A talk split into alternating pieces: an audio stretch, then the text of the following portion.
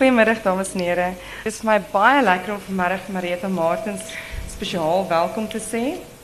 Marietta heeft meer dan 90 boeken op haar kerfstok. So hulle gaan baie lekker met ons gesels vanmiddag. Nou mama, baie welkom by die Woordfees. Welkom in Stellenbosch. En vandag is maar 'n kans om vir die eerste keer te kan klaar praat dat ek maar nie in rede val nie of korrigeer wat ma sê nie. So kom ons begin by ma se begin. As ma wil kan ma 'n bietjie vir die mense hier vertel van ons voorgeslagte en hoekom ons familie in Desember gaan eet het by Steenberg Plaas in Tokai.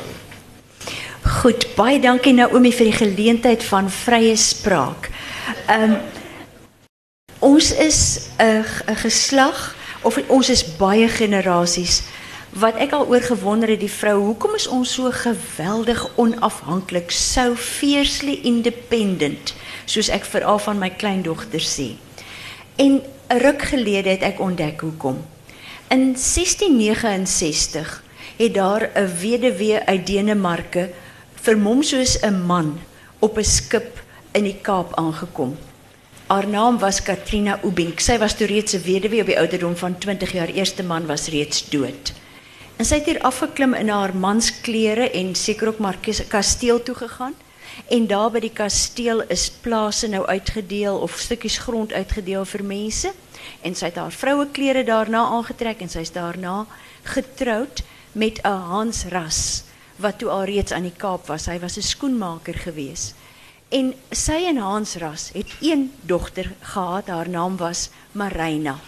Baron van Rede skryf op 'n uh, skryf op 'n stuk wat op 'n plakkaat daar voor by by Steenberg restaurant is dat die Marina ras.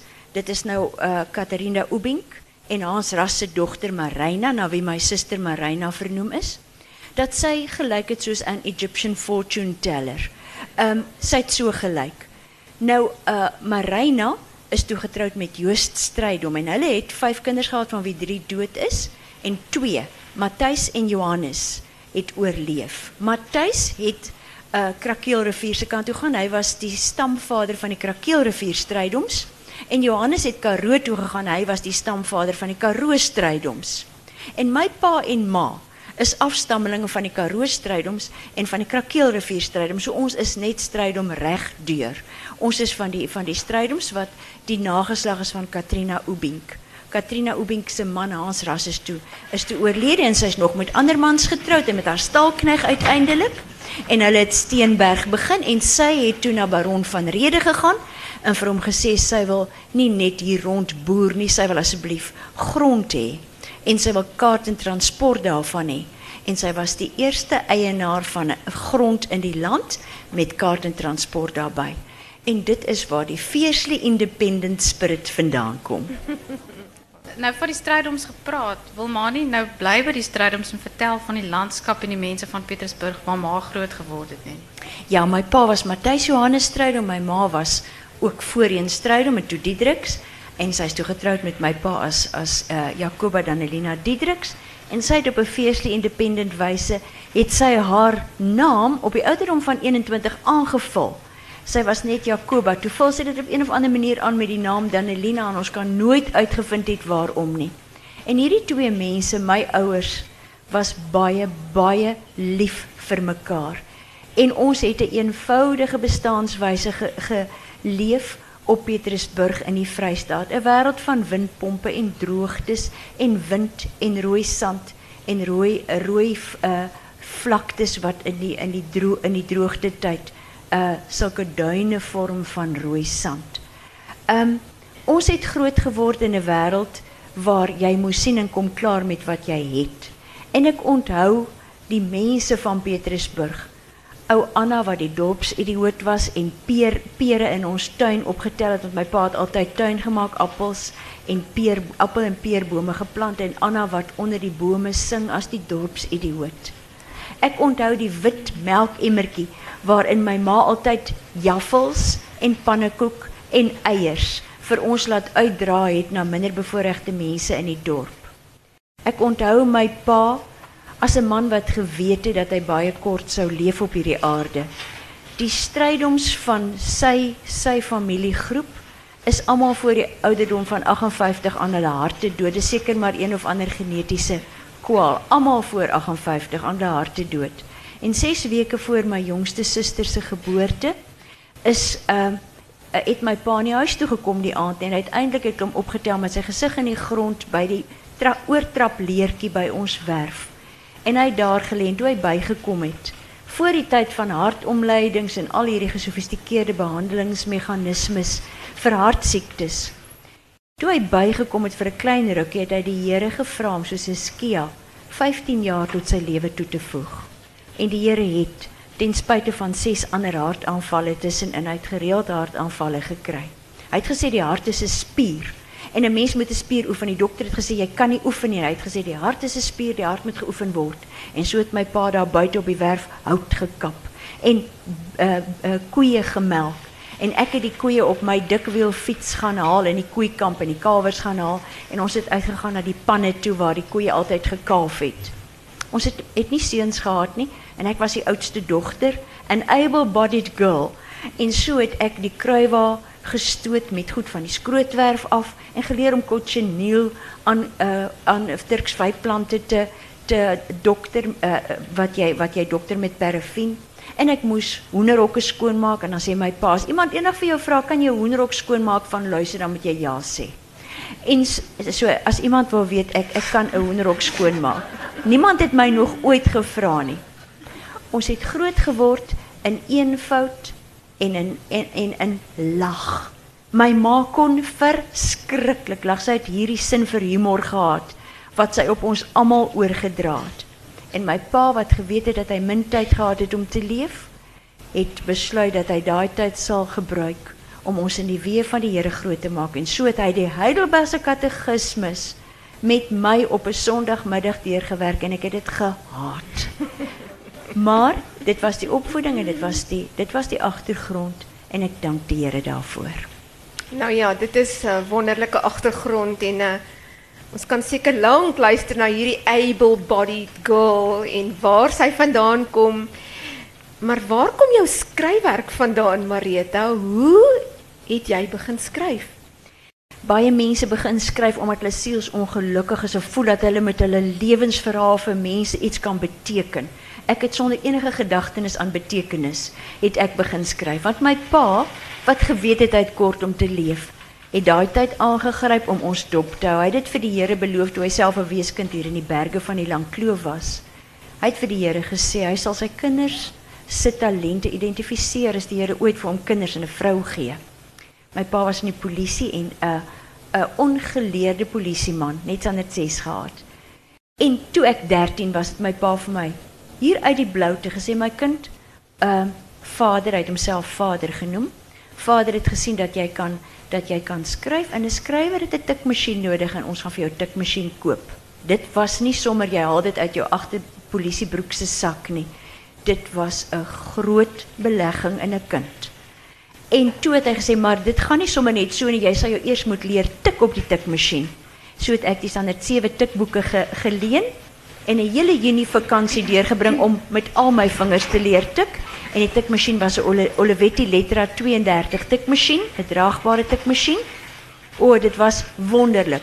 En toe ek nou die tikmasjien het en kan tik, het ek gedoen wat ek so graag gedoen het. Ek het storieetjies geskryf en sommige van hulle ingestuur na die Klein Volksblad en sommige van hulle ingestuur na na uh, uh Morelig wat 'n kindertydskrif van die kerk in daai tyd was. En op een of ander manier het ek amper 'n soort van 'n kontrak by Morelig gekry. Van die ouderdom van 13 aangeskrywe tot ons getroud was en so 'n bietjie geld daarmee verdien. En toe ek 19 was, het hulle van die stories wat in Morelig verskyn en die strookprente wat ek met vreugde geteken het, die Indiese ink dik aan my vinger en ek het ook van die Indiese ink op my ma se nuut gehekelde deken uitgemors. Ehm um, dit was 'n verskriklike oomblik het ek geïllustreer en strokiesprente geskryf en ander stories geskrywe en toe is dit uitgegee in die Lekker Lees kinderboek. En ehm um, toe gebeur dan nou nog klomp ander dinge, maar toe ons daar is, hoe het maar dit reg gekry om te skryf met klein kindertjies soos ek onder ma se voete? Ja, kom ons sê hiperaktiewe aandag afleibare wilde kindertjies en die een kindertjie was 'n baie sieklike kind gewees toe sy klein was ons het haar aan die Here afgegee dat hy haar kan neem bo Sutherland in die Karoo in 'n vliegtuig op pad na die hospitaal. En ons het geweet sy sterf. En dis Naomi wat hier sit. En die Here het haar vir ons teruggegee. Ehm sy was baie siek geweest. En ons het 'n siek kind gehad. En 'n ander sissietjie wat 'n woelwater sissie was. En om te kon skryf kyk kan skryf moet 'n vrou maar kyk wat het sy. Hulle sê mos gebruik wat jy het. Nou kyk jy hoeveel ure het jy in die dag en watter ure slaap hulle min of meer, die ure wat hulle min of meer slaap. En so het ons ons bioritmes ingepas om aan te pas by wanneer hulle slaap. En dit het geword van 3 ure in die oggend af tot hulle wakker word en ons doen dit tot vandag toe. Nou dit klink vir my net na 'n tamelike veel eisende bestaan. Ehm um, en tog het jy geskryf. Was daar iets wat jou tog wel inspirasie gegee het terwyl jy nou hierdie baie besige mamma was met hierdie baie veel eisende kinders? Waar het die inspirasie vandaan gekom om te gaan sit en tik, skryf? So toe Annie op univers uh, op universiteit op kweekskool was, het ons nog baie romanties gevoel. Toe skryf ek liefdesverhale. Toe Toe kom die kinders, toe is ons nie meer so romanties nie. Toe skryf ek kinderboeke. Toe word hulle tieners, toe ek meeste van die tyd beangs. Toe skryf ek tienerboeke. Toe kom uitgewers soos soos 'n uh, 'n uh, uh, Tafelberg, AAEM, uh Struik, Koem, Lux Verbi en begin af en toe 'n boek aanvra. En toe skryf ek geestelike boeke. Um maar inspirasie kom so daar's tydvakke en fases. Maar inspirasie kom uit baie verskillende dinge. Jy weet ons woon in die middel van die grasvlaktes op die oomblik op die Vrystaatse grasvlaktes. As jy op jou hakskeen draai, dan kan jy 360 grade draai en as daar nou net nie 'n afgebrande huis oorkant ons gestaan het nie, kan jy die hele horison op 360 grade sien as jy so draai. Maar daar's nou net die een mirasie aan die een kant waar 'n groot ou huis uit die Anglo-Boereoorlog afgebrand het. Verder kyk ons oor vlaktes, oor 'n wildsplaas en oor 'n landskap waar daar seker een of ander tyd 'n krater was. Um en randjies en onder ons is 'n onderaardse meer en ons het die maan ook gekoop en die drie susters en Mars en die oggend en die aandster ons spaar nou nog vir vir uh die groter deel van die sonnestelsel. Ons woon daar. En nou die ander dag na die reën het ek oor ons grond geloop en binne bestek van 'n uur 25 san werktuigies opgetel. Die messies, die klipmessies. Jy ken hulle so goed uit as jy daar bly. Hoe lyk hulle? En ek 25 opgetel, sulke grootes en sulke grootes. Jy sien hulle sommer so. So het ek hulle opgetel. En toe het ek gedink dis nogal baie so skryf. Skryf is nogal baie keer so. Jy loop oor 'n landskap, die landskap van jou gees en van jou werklikheid. Of as dit nou in die stad is, is dit plaveisel. Maar by ons is dit 'n landskap van grasvlaktes en die uh, en en die Vrystaatse landskap. Jy stap en daar's goed onder jou voete wat skielik jou aandag trek jy besef, maar kan mos hier nie. Ek moet buk. Ek moet hierdie ding ondersoek. En so het daar onder my voete in hierdie tye het daar dinge soos gesinsgeweld gekom wat ehm mense in ons sitkamer kom sit het en gesê ek het 'n storie van gesinsgeweld. En hierdie ding moet ondersoek word en dit my tot op die trappe van die hof gebring en vir my posttraumatiese stres oor so ding gegee dat ek baie keer begin bewe as ek net lees van 'n ander skrywer wat probleme met die pers het. Ek het dit nog altyd. Dis die prys wat jy betaal vir sommige dinge wat jy skryf. So het dinge soos mense se stryd met 'n gay oriëntasie op my pad gekom soos 'n ding wat jy moet optel en waarna jy moet kyk. En so kom aangename dinge op jou pad waarna jy wil kyk, soos wanneer 'n baba luister, wat hoor hy alles? Wat hoor hy? Aangename dinge en ernstige dinge en heerlike dinge uit Ethiopië en uit Israel en plekke waar ons gereis het en so.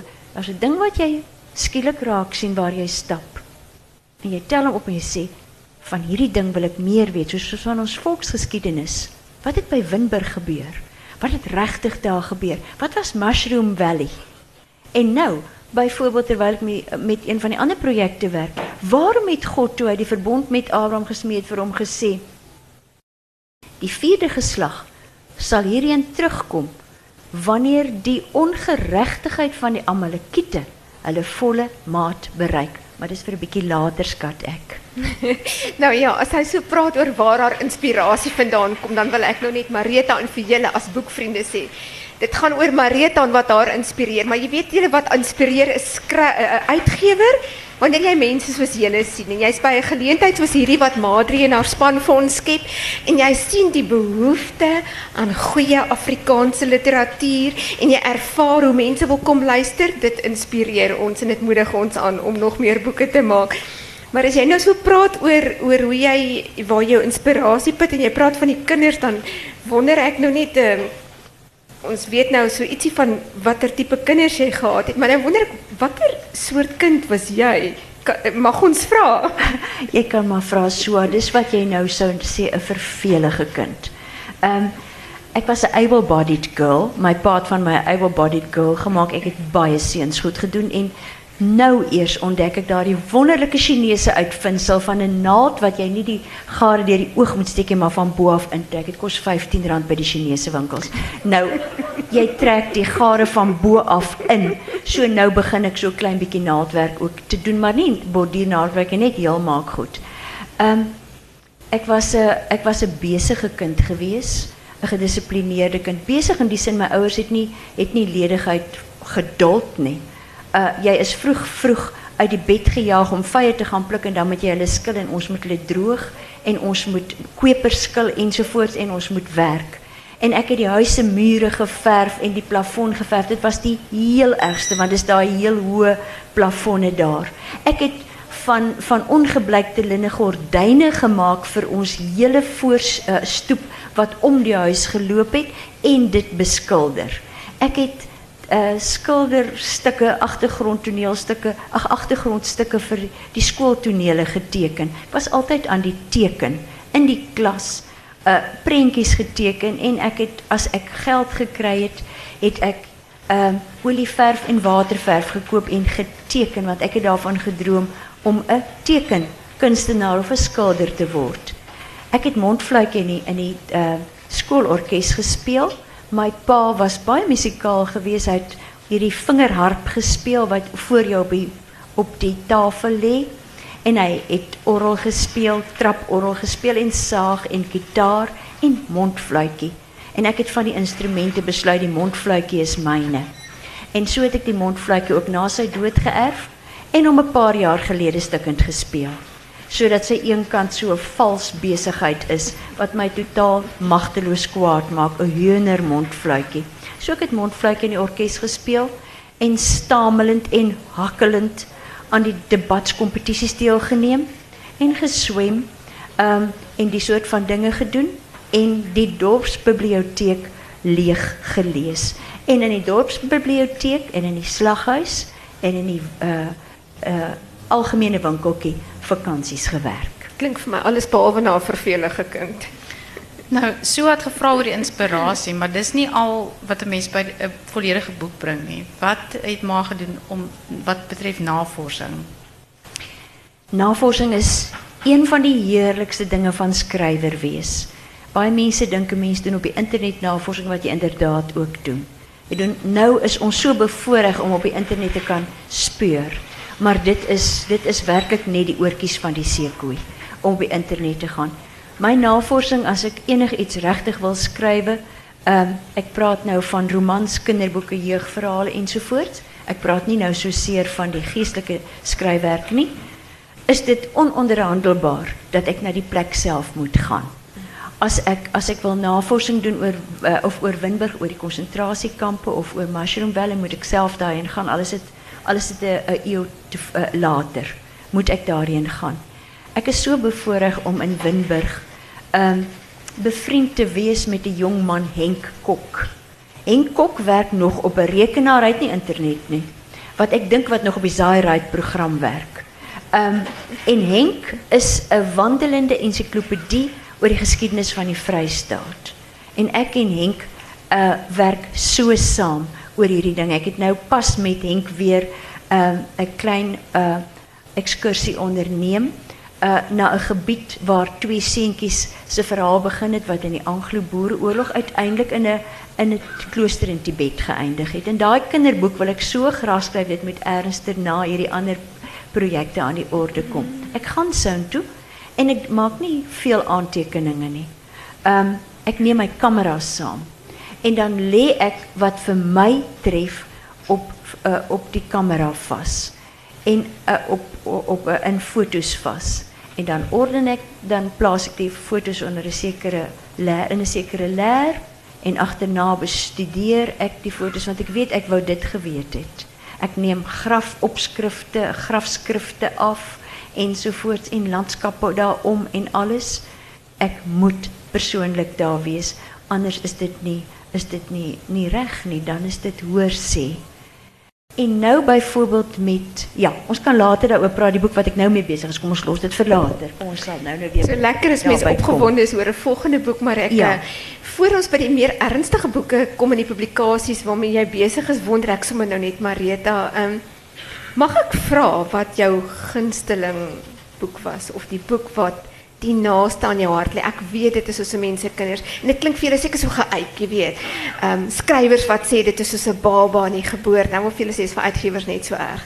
En ehm um, dan wonder ek, voel mens elke kind het 'n spesiale plek in jou hart. Is daar 'n boek wat 'n spesiale plek in jou hart het? Ek dink daar's drie boeke wat spesiale plekke in my hart sal hê. Daar's baie boeke wat ek eindeloos vreugde aangehad het om dit te skryf. Ehm die eerste ene wat ek dink wat altyd vir my spesiaal sal wees, uh is gesien aan die bruinwind wat by HIM uit uitgegee is. Uh om die navorsing by die Vroue Monument by die museum by die Vroue Monument te kon doen en te huil en te huil terwyl ek navorsing doen. Dit was vir my 'n 'n lewenservaring en uiteindelik om te doen wat Miles McDowell geschreven het in verband met, uh, in verband met die verschil tussen um, goede kinderboeken en, en uh, goede romans of boeken voor volwassenen. Miles McDowell het een baie dikwijls gekwoteerde stelling oor boeke uitgesê. Um, a good uh, children's book makes complex experience available to its reader, whereas a good book for adults draws the attention to the complexity of experience.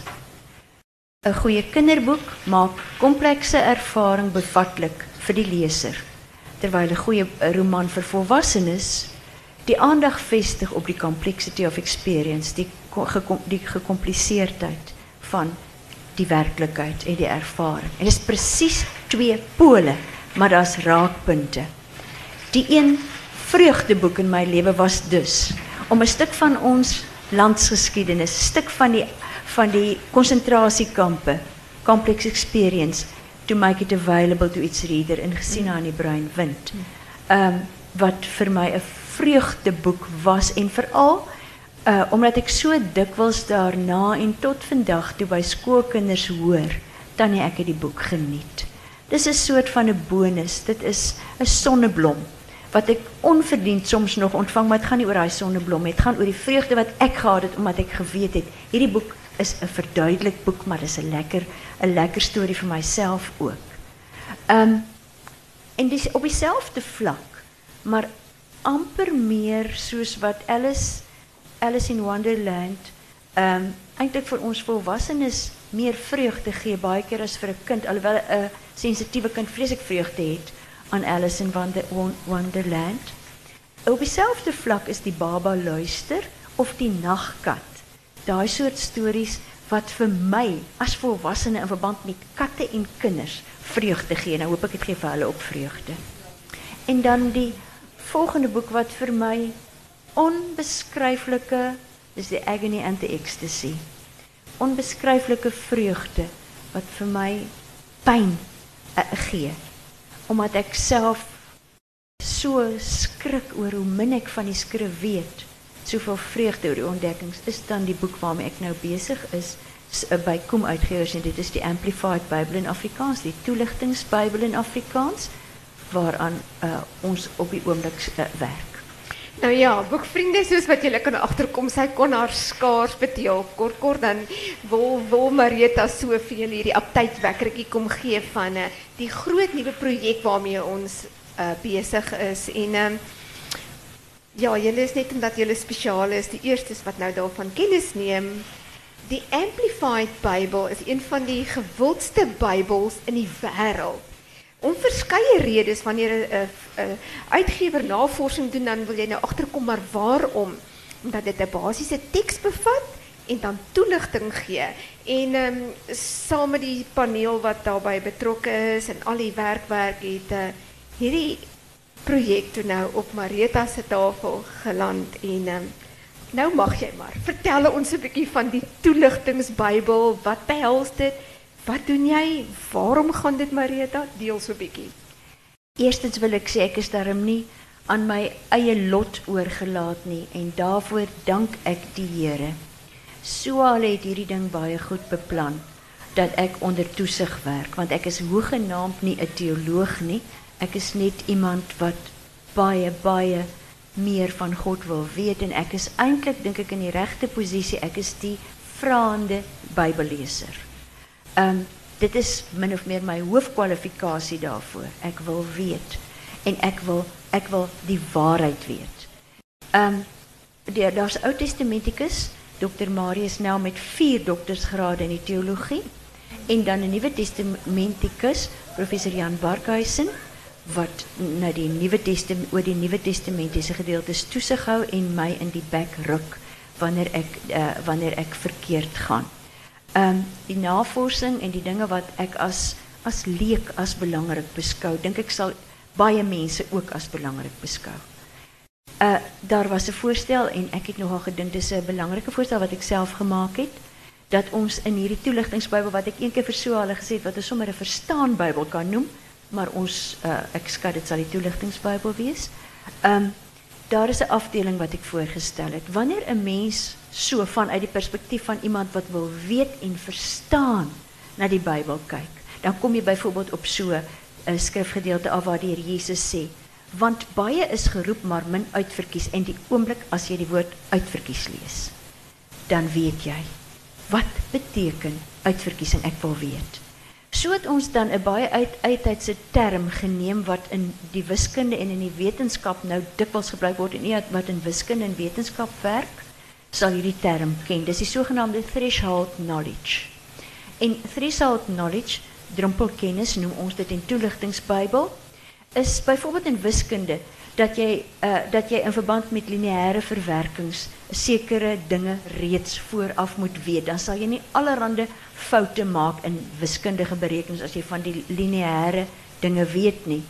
Byvoorbeeld in die wetenskap as jy vooraf weet dat die aarde rond is of wat uh uh wat is uh, in wiskunde en in wetenskap waarvoor staan pi of pi. Ehm um, as jy daardie dinge vooraf weet, of wat is vierkantswortel ensovoorts. Dan gaan jy nie allerhande of wat is kubieke maat of oppervlakte maat. Dan weet jy seker dis threshold knowledge, dis drempelkennis. As jy dit weet, dan hoef jy nie die wiel weer uit te vind nie. So het ons dan drempelkennis inskrywings in die uh, in die uh, toelichtingsbybel. Dit is een afdeling waar dinge soos die uitverkiesing, die verbond, ehm um, God teen die gode van Egipte uh sulke sulke begrippe die uh, sulke begrippe uh waaroor handel die 10 gebooie ensovoorts um sulke begrippe regverdig regverdigheid seën wat beteken seën so interessant as jy kyk na Abraham wat is die hoogste vlak van seën daar's vyf seëninge aan Abraham genoem en een was met materieel en een het met status te doen gehad en 'n voorspoed en aansien. Maar daar was twee, die slotseëninge. Die een is jy sal tot 'n seën wees en in jou sal al die volkere van die aarde geseënd wees. Die hoogste vorm van seën wat 'n mens op hierdie aarde kan ervaar, waarmee God jou kan seën, is om tot 'n seën te wees. Dis die hoogste vorm van seën. En dit staan byvoorbeeld in drumpelkennis dat daardie dinge daar is. Dan is daar ook 'n woordelys. Ehm Die woordelys is korter inskrywings, soos byvoorbeeld die skrifkalender, sodat as jy nou wil weet in watter tyd is die maand Nisan en wanneer is die Paasfees dat jy dit in die skrifkalender kan nagaan ensovoorts. So dit is ekstra twee ekstra afdelings in die toeligtingsbybel. Dan in die toeligtingsbybel self kom jy nou byvoorbeeld by so 'n plek in die Ou Testament soos daai daai ongeregtigheid van die Amalekiete. Wat is dit? Hoekom hoor dit hier in 'n verbondsbepaling? Ehm um, en waarom is dit daar? En dan wanneer jy nou so, ek dink as in Levitikus lees, dan lees jy nou daar 'n hoofstuk waar God sê, uh hierdie dinge mag jy nooit doen nie. Jy mag nie jou kinders vir Molok of Moloch die daardie afgod offer nie. Die almal die die is die kan dan nie te doen dit. Jy mag nie geslagsomgang hê met jou swaar se vrou of met jou suster of met jou een van die vroue van jou van jou pa ensovoorts in daardie kulturele konteks nie. Dan hier aan die einde van daai hoofstuk so klein stukkie dan staan daar. Hierdie dinge is die dinge wat die inwoners van hierdie land gedoen het. En die ongeregtigheid van die Amalekiete min of meer in daai woorde het hulle volle maat bereik. En daarom sal die land hulle uitspoeg tot julle voordeel. Maar as julle hierdie dinge doen, sal die land julle uitspoeg. Daarvoor sal ek die Here sorg. Dan val alles in mekaar in. Byvoorbeeld 'n geslagsregister in die middel van die 10 pla. Hoekom is Aaron en Moses se geslagsregister in die middel van die 10 pla? Dan word daar gesê uh dat Kihat 137 jaar oud geword het. Amram het 133 jaar oud geword. Jy tel die getalle bymekaar, dan kom jy by die getal 400 en 470 of 430 uit dan is dit die tyd wat hulle in Egipte was. Dis vier geslagte en Aaron is die vierde geslag en hulle sal na Kanaan terugkeer. En so daai punte bring ons dan by bymekaar in die toeligtingsbybel. Um en skrif verklaar skrif. Sover dit menslik en moontlik is. Jy soek die skrifgedeelte wat daai skrifgedeelte verklaar. Dit is 'n teologiese beginsel wat so van belang is. Dit is nie raaiskote nie, jy soek vir verklaar skrif.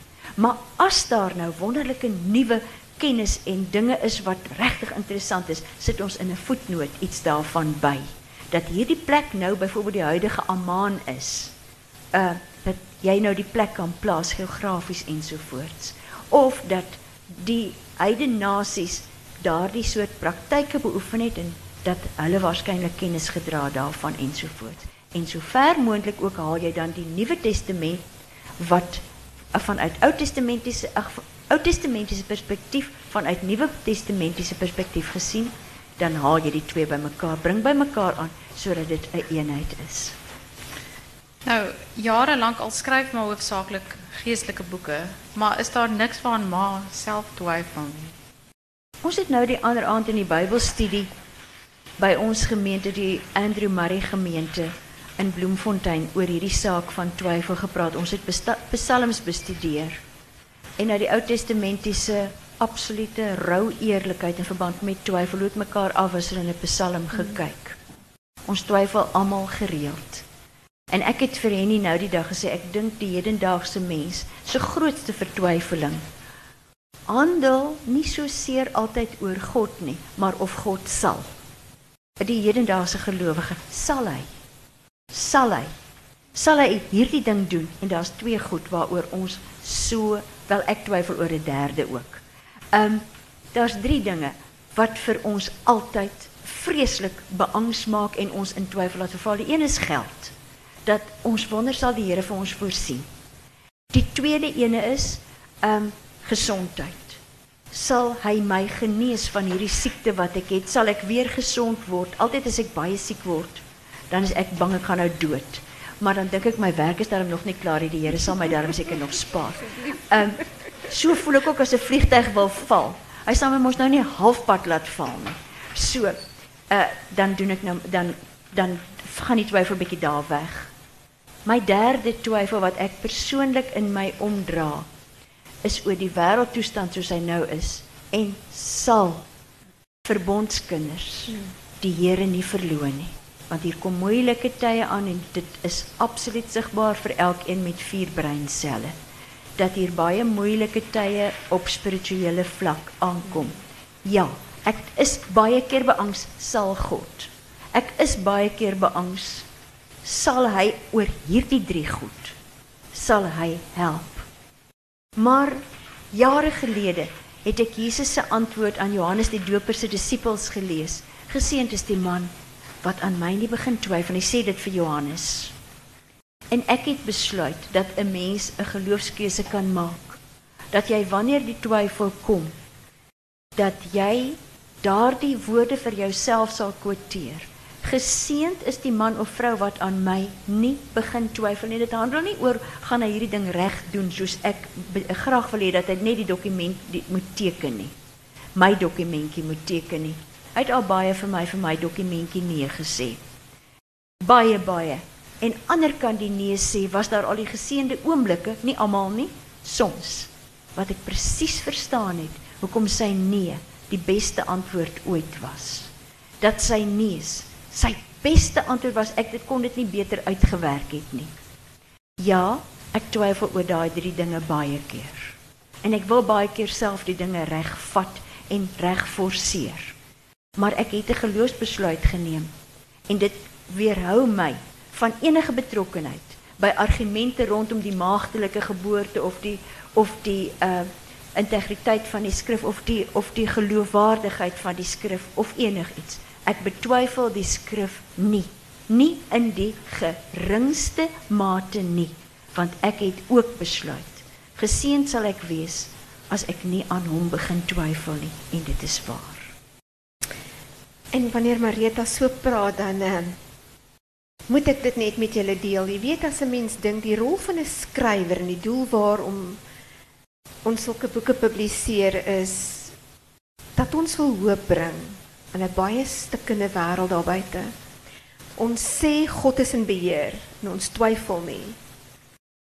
Maar dan leef ek in 'n era waar vliegtye verdwyn en ons weet nie waar hulle is nie in die berge brand en ons land is soms in dikwels in donkerte gehul en die politici is korrup en die rand is die slegste in meer as 'n dekade en dan wonder ons is daar enige hoop en dan kry jy 'n skrywer soos Marita en dan eer ons die Here vir Marita se getrouheid en haar toegewydheid om vir ons sulke publikasies te bring. En dankie dat jy so 'n uh, gehoorsame en 'n gewillige instrument in die Here se hand is, Marita. Jy verwys na projekte wat oor jou pad kom en ons sou seker baie lank oor die geskiedenis en van jou vorige publikasies kon gesels, maar ehm um, behalwe hierdie baie groot projek hierdie die Amplified Bible in Afrikaans Mag ons maar sê van die nuwe projek waarmee jy besig is? As jy nie jy iets deel As jy nie sou sê nie, sou ek dit gesê het. Jy kan maar praat. Vir Nee, jy kan maar praat. vertel Sila. jy vir ons 'n bietjie waar kom dit vandaan en en soveel is wat jy wil en mag deel. Hoe laat is dit nou? Ons het tyd, ons sal jou stop. O, goed. Ehm um, dit is uh die projek wat naas die uh toeligtingsbybel op die oomblik aan die gang is, is 'n projek wat wat uh elke week 'n bietjie vorder. Uh almal van u ken twee dele van hierdie storie. U ken die verhaal van Jolandi en Peer Kokkie wat in uh in Jemen uh gijslaar geneem is, ontvoer is en u ken die uh slotgedeelte waar Peer 'n paar uur voor sy vrylating per abuis geskiet is en hulle moes hoor dat hy gesterf het. Ehm um, wat tussenin gebeur het is wat Jolandi en ek op die oomblik saam. Ehm dit is een van die mees komplekse ehm en ek dink in 'n sekere sin een van die gevaarlikste verhale waartoe 'n uitgewer en dit is Koem Uitgewers wat die moed het om hulle hiertoe te verbind en om ons hiertoe te hierin te ondersteun. Ehm um, ek dink dis 'n baie baie gevaarlike verhaal. In die sin ehm um, hierdie verhaal trek groot aandag en die gedagte is baie sterk dat dit na die Arabiese lande gaan juis in die lande waar dit plaasgevind het. Die gedagte is ook baie sterk dat dit Amerika toe gaan want dit is uh in 'n poging om 'n ander gijzelaar te bevry wat 'n uh, uh, peer geskiet is. Um ons is met ander woorde besig met 'n verhaal wat um wat uh op twee vlakke reg moet laat geskied aan die goedheid en goedgesindheid, maar ook uh ook krities moet wees jeens die foute aan weerskante. Daar is ontsaglike belangrike dinge binne die moslim geloof, binne Islam wat wat ons wat my ruk tot in my siel terwyl ek saam met Jolandi werk. Daar's kritiek teen die Christendom wat my so skaam maak. Daar is dinge in die in die Islam godsdiens ehm uh, waarvoor ek sidder. Daar's dinge binne die Christelike geloof waarvoor ek sidder. Ehm um, daar is dinge wat wat ons met mekaar deel. Daar is dinge wat ons met mekaar deel, maar ons deel nie dieselfde dieselfde verlossingsboodskap nie. Ons deel dit nie. En daar's geen kompromis in die boek daaroor dat Jolandi sou sê ons deel dieselfde verlossingsboodskap nie. En tog moet hierdie verhaal reg geskryf word. Om vir u 'n klein agtergrondinligting te 'n uh, uh, inlig stukkie inligting te gee en ek gaan nou nou 'n stukkie lees en dalk sal u dan iets daarvan aflei, maar dis goed om 'n bietjie drempelkennis hieromtrent te hê. Is dit dit? Terwyl ek so met Jolandi saam gepraat, sy skryf die Engels. Um en dan is ek in 'n sekere sin in hierdie situasie ons noem mekaar partners. Ek sê partner. Sy het die storie, sy het die verhaal, sy het die kulturele agtergrond. Hulle was 4 jaar in Jemen. Sy praat Arabies vlot. Uh sy ken die Arabiese kultuur. Ek ken niks daarvan nie. Ek gaan op die internet oor hoe 'n pragtige land is Jemen. Wat 'n wonderskone stad is Taiz waar hulle was. Ek lees op die internet hoe lyk 'n kromsteel um mes wat wat uh wat gebruik word uh en wat deel van 'n man se toerusting is en uitrusting is in die Arabiese lande. Ek leer daar op die internet en van haar hoe's die klere, kleredrag, ek weet niks. Ek was nog nooit daar nie. En ek sal ook nie nou gaan nie. Um maar in elk geval um ek moet as buitestander moet ek help evalueer en en uh vir die Heilige Gees vra lei vir ons dat ons versigtig soos die slange en opreg soos die duwe sal wees. Want dit is die pad wat ons moet loop. Dis 'n lewensgevaarlike pad vir almal. Um dis ook vir kom 'n gevaarlike pad en ek het 'n diepe verantwoordelikheid teenoor die uitgewer wat hierdie boek moet uitgee dat ons nie aanstoot moet gee nie. Ons het dinge geskrywe, sy dinge geskryf, dan vertaal ek dit, dan sit ons saam elke week, dan sê ons nee. Nee, dis neerhalend. Ons moet dit uithaal. Daar mag nie neerhalende goed hierin wees nie. Om vir u 'n stukkie drempelkennis te gee in verband met Arabies en die Arabiese kultuur. En dit tel ek toe onder leiding van die Heilige Gees by die eerste saamwerk op. En ek het nie besef daar bestaan iets, maar dit is die kern van die hele ding. Arabies en die hele Arabiese kultuur. En u sal dit in die Ou Testament wat ook 'n 'n Midde-Oosterse boek is. 'n versameling boeke is. Sal u dit onmiddellik optel as u die verhaal byvoorbeeld lees van Dina, die dogter van Jakob wat uh wat is en haar broers wat wraak neem. Die hele Midde-Oosterse kultuur gaan oor die honor shame beginsel, die eer skande, die eer vernedering beginsel. As 'n meisie onteer word, dan is die wil bring sy die meisie oneer op haar vader want dit is 'n baie paternalistiese gemeenskap. Ehm en 'n baie uh, uh, die vrou is nie 'n vrou van eer nie. Ehm as 'n seentjie 'n vloermoer 'n tantrum in die winkel of in 'n inkopiesentrum gooi, dan bring hy oneer oor die stam. Ehm um, as daar in Jemen gijslaers is en die kinders is weerloos, die uh, die kokkies is nou ontvoer en Pieter Ben en uh, Lise Marie bly nou agter. Dan is dit die eer van die dorp en die eer van die land in wie se sorg hierdie kinders nou is om te sorg dat hierdie kinders veilig is. Nou was daar ook ander Suid-Afrikaners byvoorbeeld in daardie tyd in Jemen en hulle hulle het kommunikasie en die kinders bel die ander Suid-Afrikaners vir wie ons nou die kuiters noem want ons beskerm nou maar die identiteit van mense ook van die uh, Jemen, uh, die uh. Ehm nou is daar ander Suid-Afrikaners, die kinders bel hulle en die ander Suid-Afrikaners is, "O, oh, ons kinders is hier in hierdie land." Die kinders van Suid-Afrika is nou Pieter Ben en Lise Marie is nou hier in hierdie land. Ons moet hulle so gou moontlik by hulle familie in Suid-Afrika kry. En die die uh moslimmense wat vriende is, Amira wat 'n vriendin van van ehm um, Jolandi is. Amira, haar vader, haar moeder, die hele invloedryke stam voel net ons moet sorg. Dis ons honor, dis ons eer, dis ondenkbaar dat jy hulp gaan soek by 'n ander een wat nou tydelik in die land is. Wat kan hulle vir jou doen?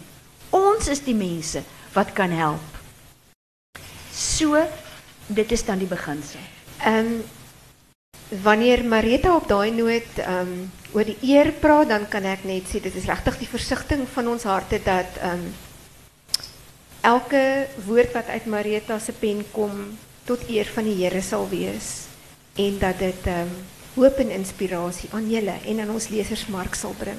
'n Laaste woord van jou kant af Naomi. Wel, ek wou vir my ma vra of sy raad het nie vir my nie, maar vir haar jonger self. Sy dit met Ja. Ek het raad vir die jonger self. Die een was is om myself nie vir die krokodil te voer nie. My man was 'n predikant gewees. Uh hy is dit nou nog, maar hy's nou net 'n emeritus leraar.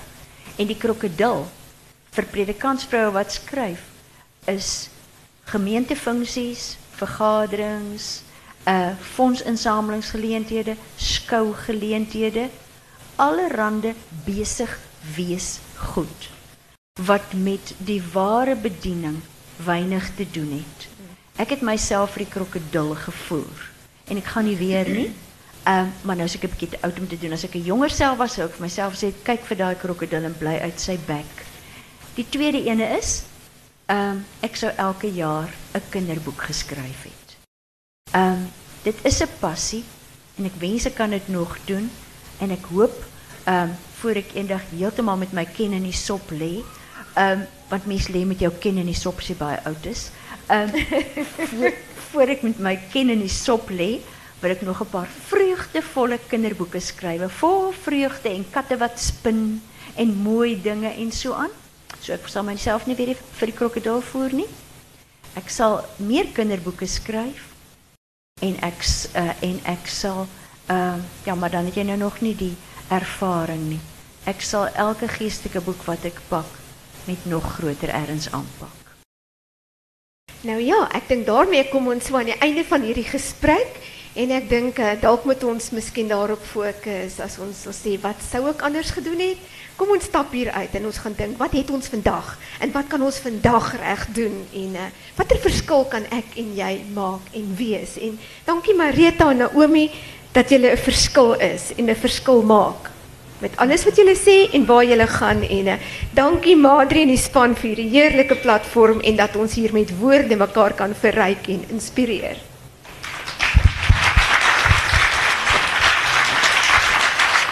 Um, van my kant af ook Marita, vreeslik baie dankie. Dit is vir ons 'n woordfees baie lekker om jou hier te hê. Um ek weet julle wil eintlik nog graag saam met haar kuier en 'n bietjie vrae vra en met haar gesels. So Kom sit asseblief hier langs aan saam met ons. Kom drink 'n glasie wyn. Gesels met Marita. Hier is sy nou in lewende lywe. Jy kan nou alles vir haar vertel en vra wat jy nog altyd wou. So, Naomi, o Marita, jy wil nog iets sê? Ja. Derde, kan ek soos my derde kleindogter wat baie keer 'n handjie opsteek net om 'n beer te kry, kan ek net nog een enkele ding sê. Ek wil net dankie sê. Ek wil dankie sê vir elke uitgewer want daar is verskeie van hulle. Home Literair destyds, selfs Daan Retief uitgewers, um Tafelberg uitgewers met al sy filiale, Lux Verbi, Koem, Struik, al die uitgewers wat vir my die geleentheid gegee het om te kon publiseer.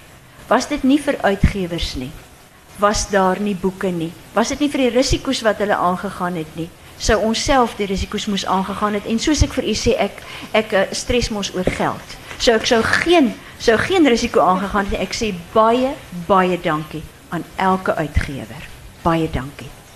Dankie dames en here.